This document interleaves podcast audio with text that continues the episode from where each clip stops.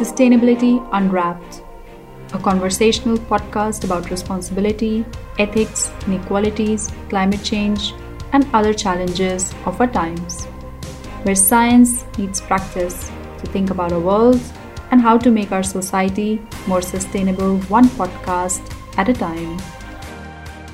Hello and welcome to this episode of Sustainability Unwrapped podcast by Hanken School of Economics. And on this episode, we will discuss why we must address corruption in the quest for sustainability. Uh, my name is Neema Komba, and I will be hosting this episode from Helsinki. I am a second year doctoral student in entrepreneurship management and organization, and I am joined today by Matthew Jenkins, who is a knowledge and research manager at Transparency International, all the way from Berlin. Um, and Transparency International is a global movement that works in over 100 countries to end injustice of corruption by promoting transparency, accountability, and integrity. And I'm also joined by Priska Koa, all the way from Dar es Salaam, and she's a senior officer at Policy Forum, a network of over 70 uh, civil society organizations in Tanzania. So welcome, Martin Priska, and thank you for joining us. Thanks very much, Neema, for the kind introduction. So why must we address corruption in the quest for sustainability? As this episode is called Sustainability Unwrapped, um, I thought about this um, corruption as something that we must address. And not just because I said it, but there's been a lot of other people who have said the same that corruption is one of the biggest impediments to towards achieving sustainable development goals and sustainability in general, social, environmental, and, and economic sustainability. So then why corruption? As Transparency International defines it, corruption is the abuse of entrusted power for private gain. Um, and it includes many different things, including bribery, collusion, embezzlement of public funds, fraud, extortion, favoritism, patronage, and in some cases, it can even be viewed positively as um, speed money or greasing the wheels where systems fail to give citizens what they require in a timely manner. And it affects both private and public sectors. And it can be hidden or sometimes out in the open with very, very clear consequences and visible um, transactions. Um, and it, it does affect people in their daily lives and it also affects policy decisions and, and there are no clean countries basically. And I remember looking at this Transparency International Corruption Perception Index, which scores and ranks about 180 countries um, by levels of perceived corruption, and that only 2% are least corrupt. Most countries are corrupt or very corrupt or mostly corrupt. Um, and this kind of made me think. I grew up in Tanzania myself, and maybe a few years ago, eight years ago, I wrote this poem called Corruption, and I will read it to you. Don't laugh at my poetry so much, but it was it was about how in how it was in our in in our daily lives, um, and I will read it. Corruption, corruption. Let's let's declare this an epidemic for it spreads slowly like a cancer from the bottom traffic police to the top maker of policy. Corruption, reason why wrong leaders get voted in and an honest man rots in prison. Corruption, why the poor have no voice and dreams have no chance.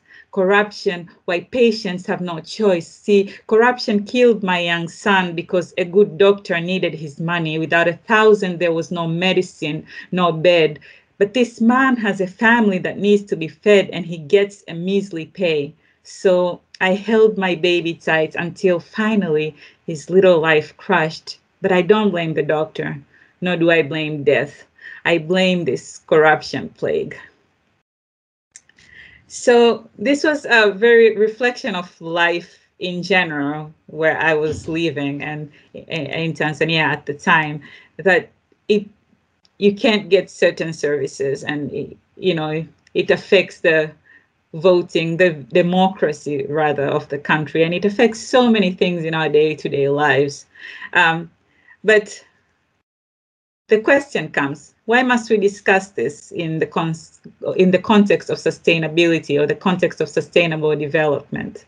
Um, and I will start by talking to asking Matthew this question. Why must we care about corruption when talking about sustainability and the 2030 sustainable development goals? Um, is it something that is it necessary really? Thanks very much for the uh, for the introduction, Neema, and also for the for the very powerful poem that I think really illustrates some of the themes that we'll be talking about today, which is that corruption links um, inextricably towards kind of systems of inequality and, and power asymmetries. Um, and I couldn't have phrased it better than myself than you, than you did in the introduction, where you say that corruption is a very powerful impediment um, for the SDGs. Although I would perhaps take issue with the characterization that corruption can be productive in some circumstances. We can come on to that potentially. Um, you also mentioned the kind of the corruption perceptions index, which uh, ranks countries based on perceived levels of uh, corruption in their public sector. Um, and again, I couldn't agree more with your assessment that all all, um, all countries are afflicted by forms of corruption, one form or another. So the CPI, as useful a advocacy tool as it is for us, um, doesn't capture everything, as you said. Um, so let me maybe take a step back and start, as you as you suggested, with trying to underline why I think that uh, anti-corruption efforts should be at the heart of the Sustainable Development Goals. I think, in in a sense, um, if we look back to 2015 when the goals were agreed, it was quite an important moment for us in the anti-corruption world because it was the first time that world leaders recognised. Um, in an international development agenda that without foregrounding governance issues like corruption, uh, sustainable development couldn't be achieved. And I think this is a lesson learned from the previous kind of international development framework, the Millennium Development Goals, which is some of the positive outcomes in the short term will become very difficult to sustain if corrupt practices go unabated. And so as a result of that, as I said, in 2015, we saw that specific anti-corruption targets were included in part of uh, Goal 16 of the SDGs, which is about peace, justice, and strong institutions. And at TI, we see that uh, corruption undermines sustainable development in three main ways. First of all, it obstructs the development of peaceful, just, and inclusive societies. So the kind of mantra and the ethos of, uh, of Goal 16 itself. So corruption represents a major obstacle to, uh, to you know to achieving peace, justice, and strong institutions because it deepens fragility within countries, it generates conflict, and it prevents access to justice for those in need. So here we can talk about corruption and the Sustainable Development Goals as seeing corruption as a kind of a standalone issue, a problem in its own right. Second, however, I think there's another way of considering the problem, which is not to see corruption in isolation, but also to understand how corruption affects all of the other goals. You know, if, if you're talking about healthcare, education, and so on, without strong institutions, good governance, and integrity around the world that societies are kind of really going to struggle to meet their full potential. Where corruption plagues hospitals, um, you know, the progress towards targets in healthcare is really very difficult to accomplish. You can say the same thing for schools, all manner of kind of service delivery. You can see that goals on poverty eradication, clean water, affordable energy, gender equality, all of these really noble and admirable targets that we're trying to achieve in the next 10 years um, are going to be really difficult to do unless we uh, minimize the effect that corruption has on these other issues. So this is why I would say we can see corruption as well as a cross-cutting issue that cuts across the the sustainable development framework. And the third uh, issue I would point to is that corruption cripples the ability of societies to pay for the vast investments that are needed to meet the SDGs. You know, uh, in some countries, there are huge infrastructure needs. Um, uh, in others that are more affected by climate change mitigation, um, achieving SDGs is enormously expensive. There are estimates out there that you know it costs, and this is before this estimates before the current COVID pandemic, that achieving the Sustainable Development Goals targets would cost between five to seven trillion US dollars a year around the world. So corruption, first of all, reduces the amount of tax a state is able or willing to collect but it also reduces the effectiveness of developmental spending by governments, international donors, impact investors, impact, sorry, impact investors, remittances, and so on and so forth. So corruption frustrates both the effective mobilization of finance for development as well as its kind of effective disbursement by weakening, you know, we talk about things like domestic revenue mobilization, development finance, public financial management, asset recovery, which really again speaks to the international element that you highlighted in your introductory comments, the linkages between countries and how corruption doesn't stop at national borders, which I think is a really important aspect that I hope we'll speak more about. So I'd say, in summary, without kind of progress towards tackling corruption, any progress towards any of the sustainable development goals is going to be fragmentary, short-lived, and quite volatile. Sometimes I've heard people say um, that sometimes SDG 16 should actually be SDG 1. This should be the kind of the first the first priority that we have because without achieving any of these other things, the rest is going to be really difficult to accomplish. I would just end quickly. I know I've taken quite a lot of time, but I want to end by the introductory remarks by um, emphasizing that though corruption affects us all, it doesn't affect us all equally between and within societies. So corruption is often inherently discriminatory the poor and marginalized are disproportionately affected by the way that corruption restricts economic growth, increases poverty, and skews resource distribution. Um, we have a forthcoming um, study on particularly how the relationship and interplay between corruption and discrimination against marginalized groups frustrates the leave no one behind principle at the heart of the um, 2030 agenda. And I think this is a really important to emphasize as well. So. Thank you, Matthew. And I know you have done this um, research on, uh, specifically on grand corruption and SDGs in at Transparency International, and you showcased that there was some serious effects on on specific goals. Uh, I think in Mozambique and mm. um, and in two other countries, and and can you talk a little bit about that research and, and what you found and why specifically focus on grand corruption and not other forms of corruption that happen every day in, in those communities? Sure, it's a really interesting question, Neema. Thanks a lot. Yeah, the other two countries we looked at uh, were Guatemala and the Maldives. And so what we were looking is how different types of corruption, scandal, different forms of corruption had devastated these countries' abilities to meet some of all of their SDG targets. So maybe it'd be helpful for me just to start by outlining what we mean by grand corruption which often is referred to by different names. For instance, the UN Convention Against Corruption um, indirectly alludes to it uh, with the rather clumsy title of the corruption involving vast quantities of assets. Um, so there are kind of competing definitions, but most definitions of grand corruption have three common features to try and distinguish it from what is sometimes called um, petty corruption or street level bribery. And before going on to, to explain a bit what I mean about grand corruption, I would just point out that although we call it petty corruption, you know, it's uh, street level bribery that you're having to pay um, typically to public, public officials in return for a service or a good that you're entitled to anyway. Yeah. Although we call it petty corruption, the effects of petty corruption are not themselves petty or insignificant, right? They're cumulative. So widespread extortion inflicts real harm on a large pool of victims and worsens their standard of living. Having said that kind of caveat, I just come back to um, why we wanted to kind of prioritize grand corruption in these series of papers um, and, and why that's such a significant issue. So grand corruption schemes often um, involve sums of money that are so large that single that one of these corruption schemes can endanger the political stability of a country uh, or kind of put in or jeopardize sustainable development of the of the country in general. Um, second, unlike petty corruption, where the perpetrator, as I said, is more likely to be a low-level or mid-level official, those culpable of grand corruption are often found at the highest level of government. Um, so they're they're corruption that they uh, they engage in is constitutes a major abuse of power that can erode the rule of law um, and even in some cases result in state capture. And obviously, because these people are very high profile and, and, and powerful, they often enjoy kind of widespread impunity for their actions. And the third distinction is um, uh, is that quite often in grand corruption cases, it has a transnational aspect to it. So mm. grand corruption quite often involves resources crossing bound national borders. Um, and you know you'll see that development funds that should be spent in some countries end up in other countries in, in kind of secretive accounts. Mm. Um, so we essentially wrote these kind of three case studies to illustrate the policy problem we have, which is that most of the common corruption and the sustainable development goals focus on petty bribery. Um, the global indicators that are used to assess progress in, in tackling corruption in SDG 16 do so. You know, they're talking about what's the rate of petty bribery, whereas actually these kind of larger systemic forms of corruption that we see may be less immediately apparent if you're um, doing business in the country, if you're actor, interacting um, in the country, but arguably have a much greater detrimental effect on sustainable development. And I just uh, conclude this uh, these comments by illustrating quickly three kind of ways that we think it does that.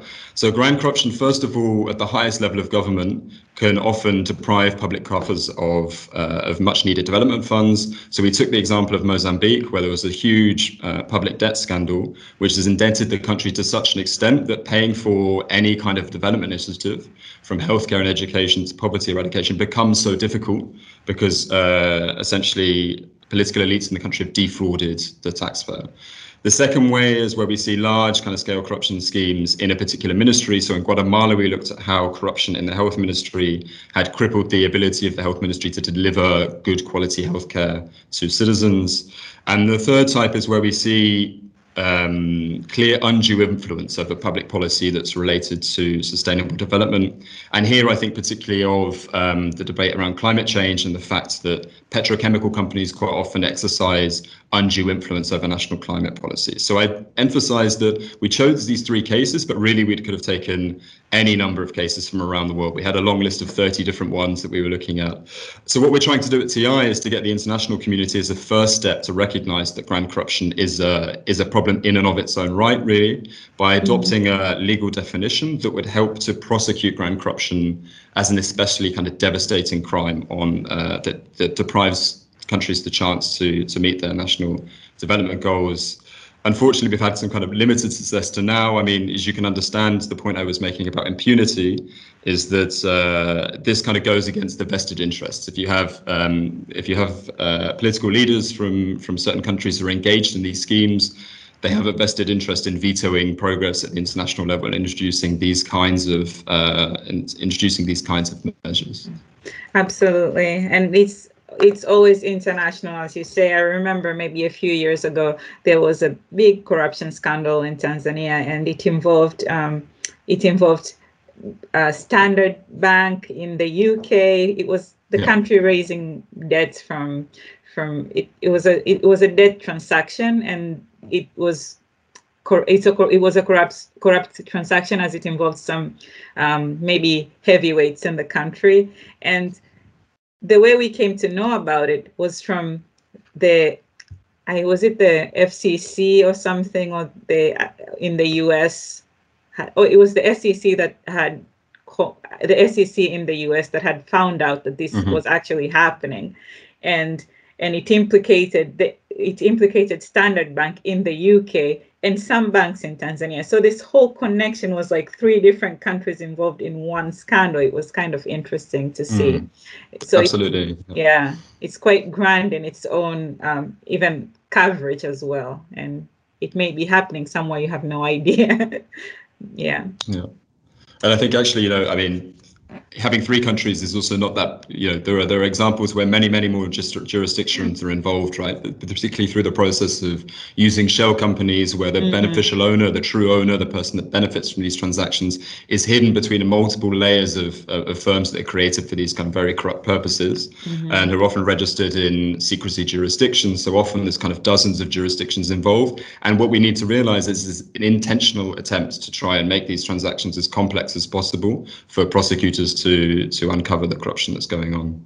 Yeah, and uh, I think the World Economic Forum said something about 3.9 trillion trillion US dollars being lost to corruption every year.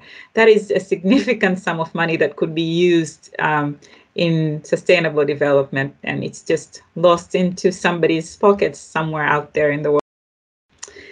Now, speaking of this, um, let's talk a little bit about um, about the role of civil societies in this in this in this um, in in stopping or in, in this anti-corruption efforts. Prisca, you work with uh, Policy Forum and you you work directly with the Parliament. Tell us a little bit about the kind of work you do and why it's so important in in in stopping um, exactly what Matthew has told us about. Um, thank you, thank you so much, Neema. Um, Without wasting time, I think I will respond to your question on what CSO's role is in the fight against co- corruption. And like you said in the introduction, um, Policy Forum is a network of civil society organizations that have been brought up together in the interest of ensuring that the, there's accountable use of public money. So we have a set of activities that are being implemented by the uh, members of Policy Forum in the main two working groups that we work with. We have the budget working group as well as the local governance working group. And all these working groups engage um, at the national level and at the local level. So what do we do in the fight against, against corruption? Um, number one, at the at the local level, and linking this to the goal 16, that was for peace, justice, and strong institutions. We do social accountability monitoring, and what we do, we conduct analysis of the planning and budgets um, of the at the district level, and most cases, we want to see if there's accountability in the use of public funds, and if at all there are cases of misuse of the funds we provide recommendations on how to improve the usage of the, uh, uh, these public resources, and then we conduct engage, we engage with the duty bearers at that level to share our findings. That is what at the local level. Uh, that is what we do at the local level. And we have, in the past, uh, in the past um, three to four four years, we we were seeing a lot of misuse of funds that in the end resulted into the poor service provision, especially we were looking where we were we we looked at how the health budget has been was spent.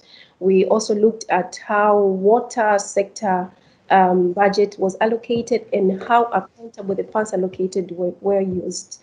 Um, and last year we did an engagement with one of the district council whereby we we work with councillors. Councillors, these are the oversight bodies at the local level, that they're the ones that need to ensure uh, the funds allocated are being spent wisely and result to the um, um, quality service provision.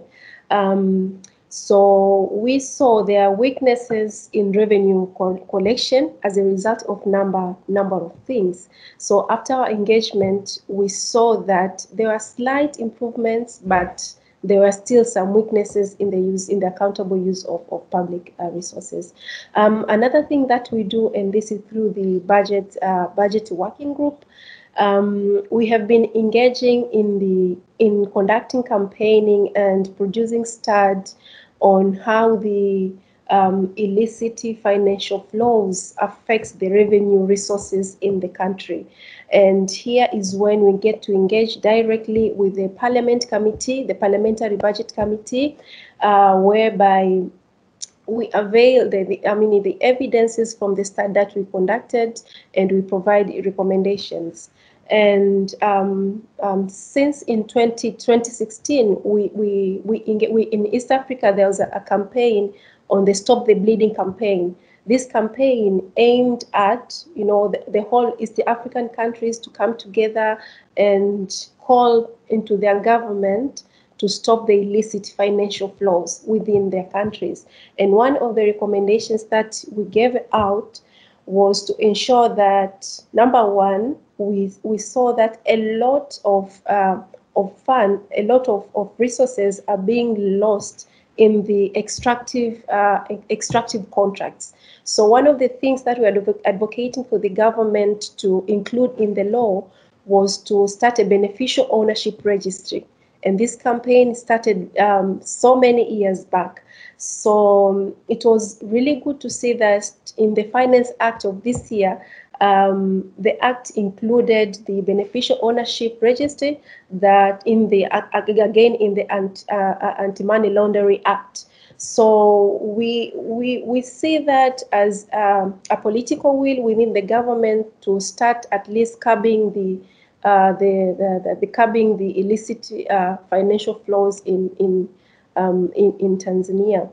Um, apart apart from that, we have also been engaging in enhancing transparency in the mining contracts. So, like I said, um, there, there's something called double taxation agreement. So another area that we work with is, is to advocate for transparency and uh, publication of the mining contracts so that uh, Tanzanians and citizens can be able to, to see um, how the mining, um, how the, the mining uh, companies are paying taxes so as to increase the domestic uh, revenue resources.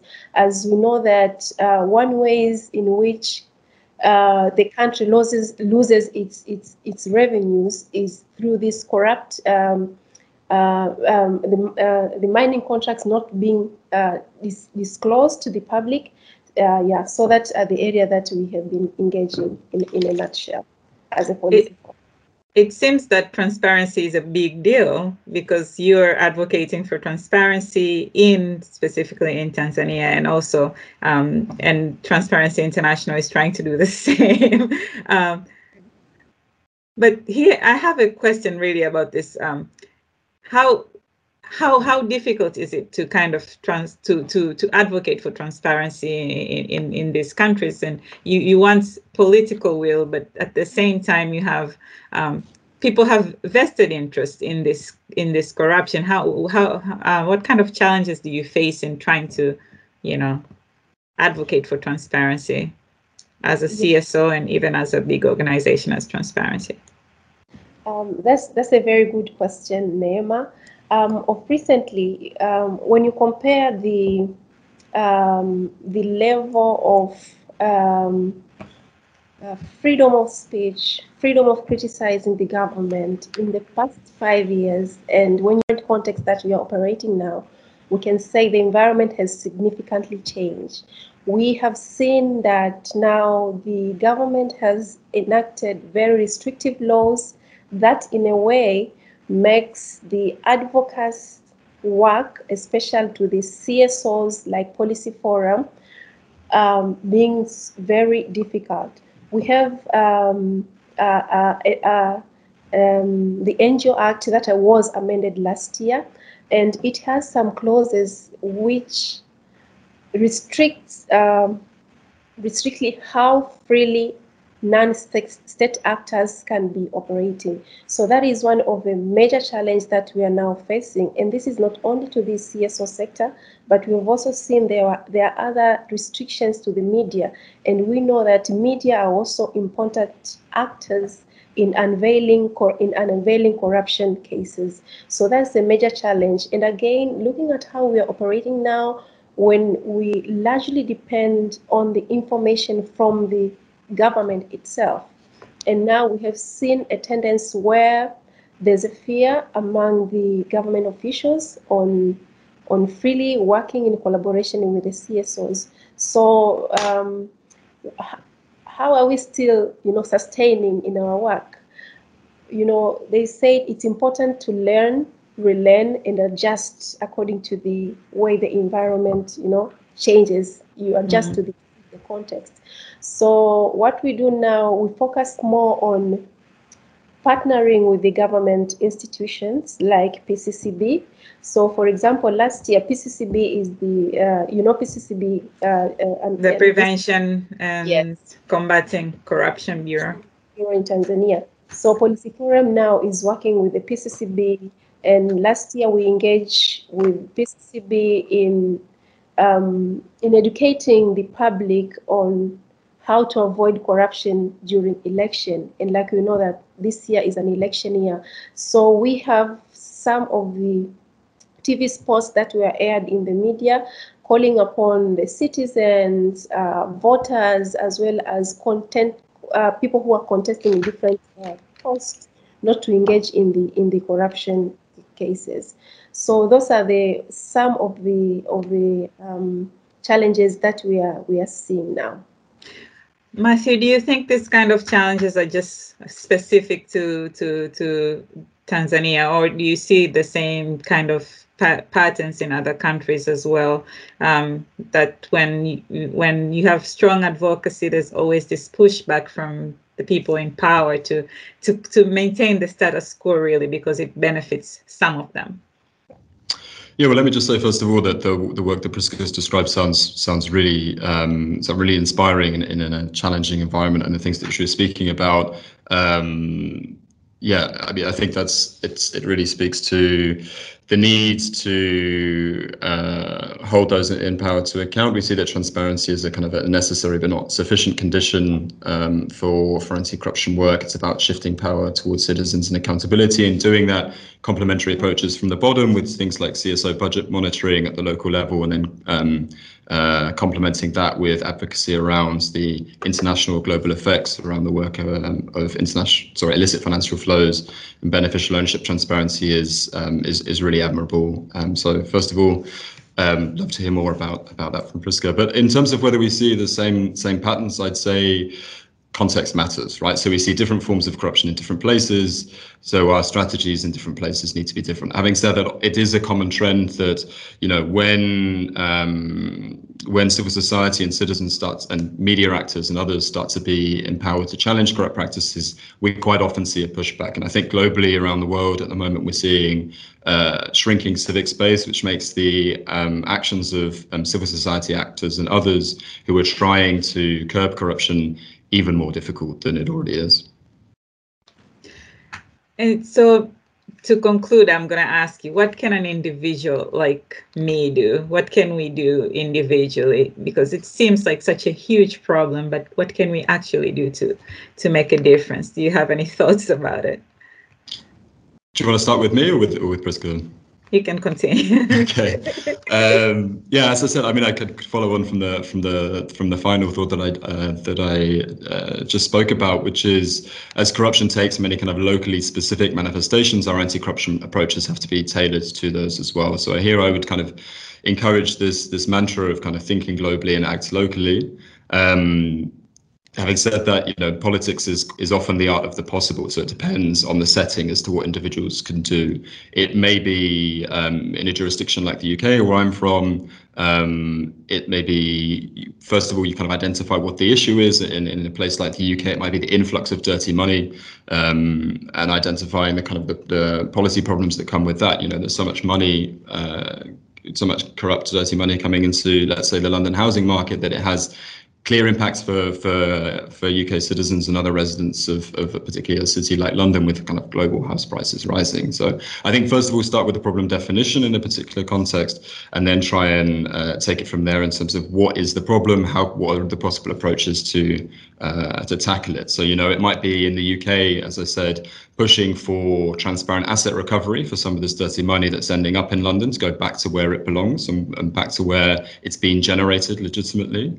Um, in other settings, it, it, where let's say the civic space is a is is is uh, is a bit more fragile, it may be around uh, you know public campaigning for for greater civic space and you know having more legitimate stakeholders involved in in political debate and political discourse. It might be around things like um, access to information campaigns civil society groups and individuals working with with media. And I'd say you asked specifically about individuals. I know, so I'm saying citizens, journalists, CSOs, the private sector. We all have a role to play in this. Um, and I think you know it requires all of us to actively participate. A, a good starting point, and perhaps this is a bit of a, a plug or self promotion, but a good starting point is to get in touch with a with a local well, with a national Transparency International chapter, if there is one in your your country, to see how you can get involved.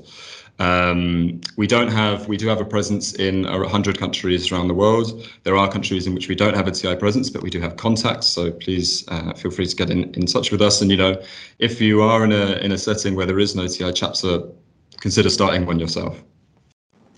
Thank you. What about Priska? What kind what kind of final thoughts do you have? Um, I'll start by saying that uh, transparency is a habit. So at the individual level, we should strive to be transparent. We should strive not to be corrupt. We should embed anti-corruption perception within our day lives, but also to embed it in organizations. How do we, being able to say transparently that I cannot be able to pay for a service that I'm entitled to. So when someone goes to, to a public hospital, for instance, and linking this into your poem that you started with, then individuals should be empowered in a way that they'll be able to openly demand for their rights. And I know I'm entitled this by uh, my country's constitutions. I'm entitled to getting this particular service without paying extra. So I think it should be, it should start at individual level, but again, being transferred at the organization and up to the national and the, to the international, as we are seeing that corruption cases affects all of us globally. And like today's topic, we are seeing that corruption action um, affects uh, sustainable development goals. Thank you both so much. So it seems you're saying we should all strive to shift power from the more powerful in society to to to to the citizens and and be more actionable in the local level.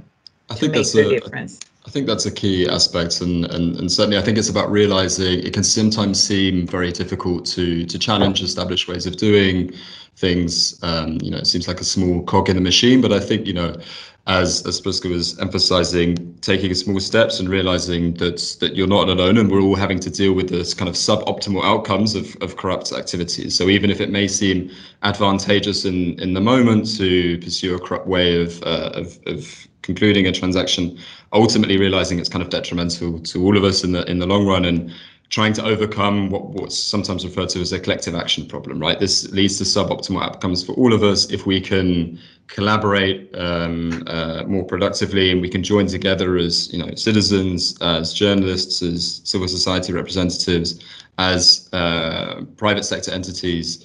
Then together, I think is is the way that we have to try and tackle this scourge. Thank you so much. And I think this is all the time we have uh, for this episode of Sustainability Unwrapped. Thank you, Matthew and Priska, for your insights. Thanks for having me. Thank you so much, Neema, for having me.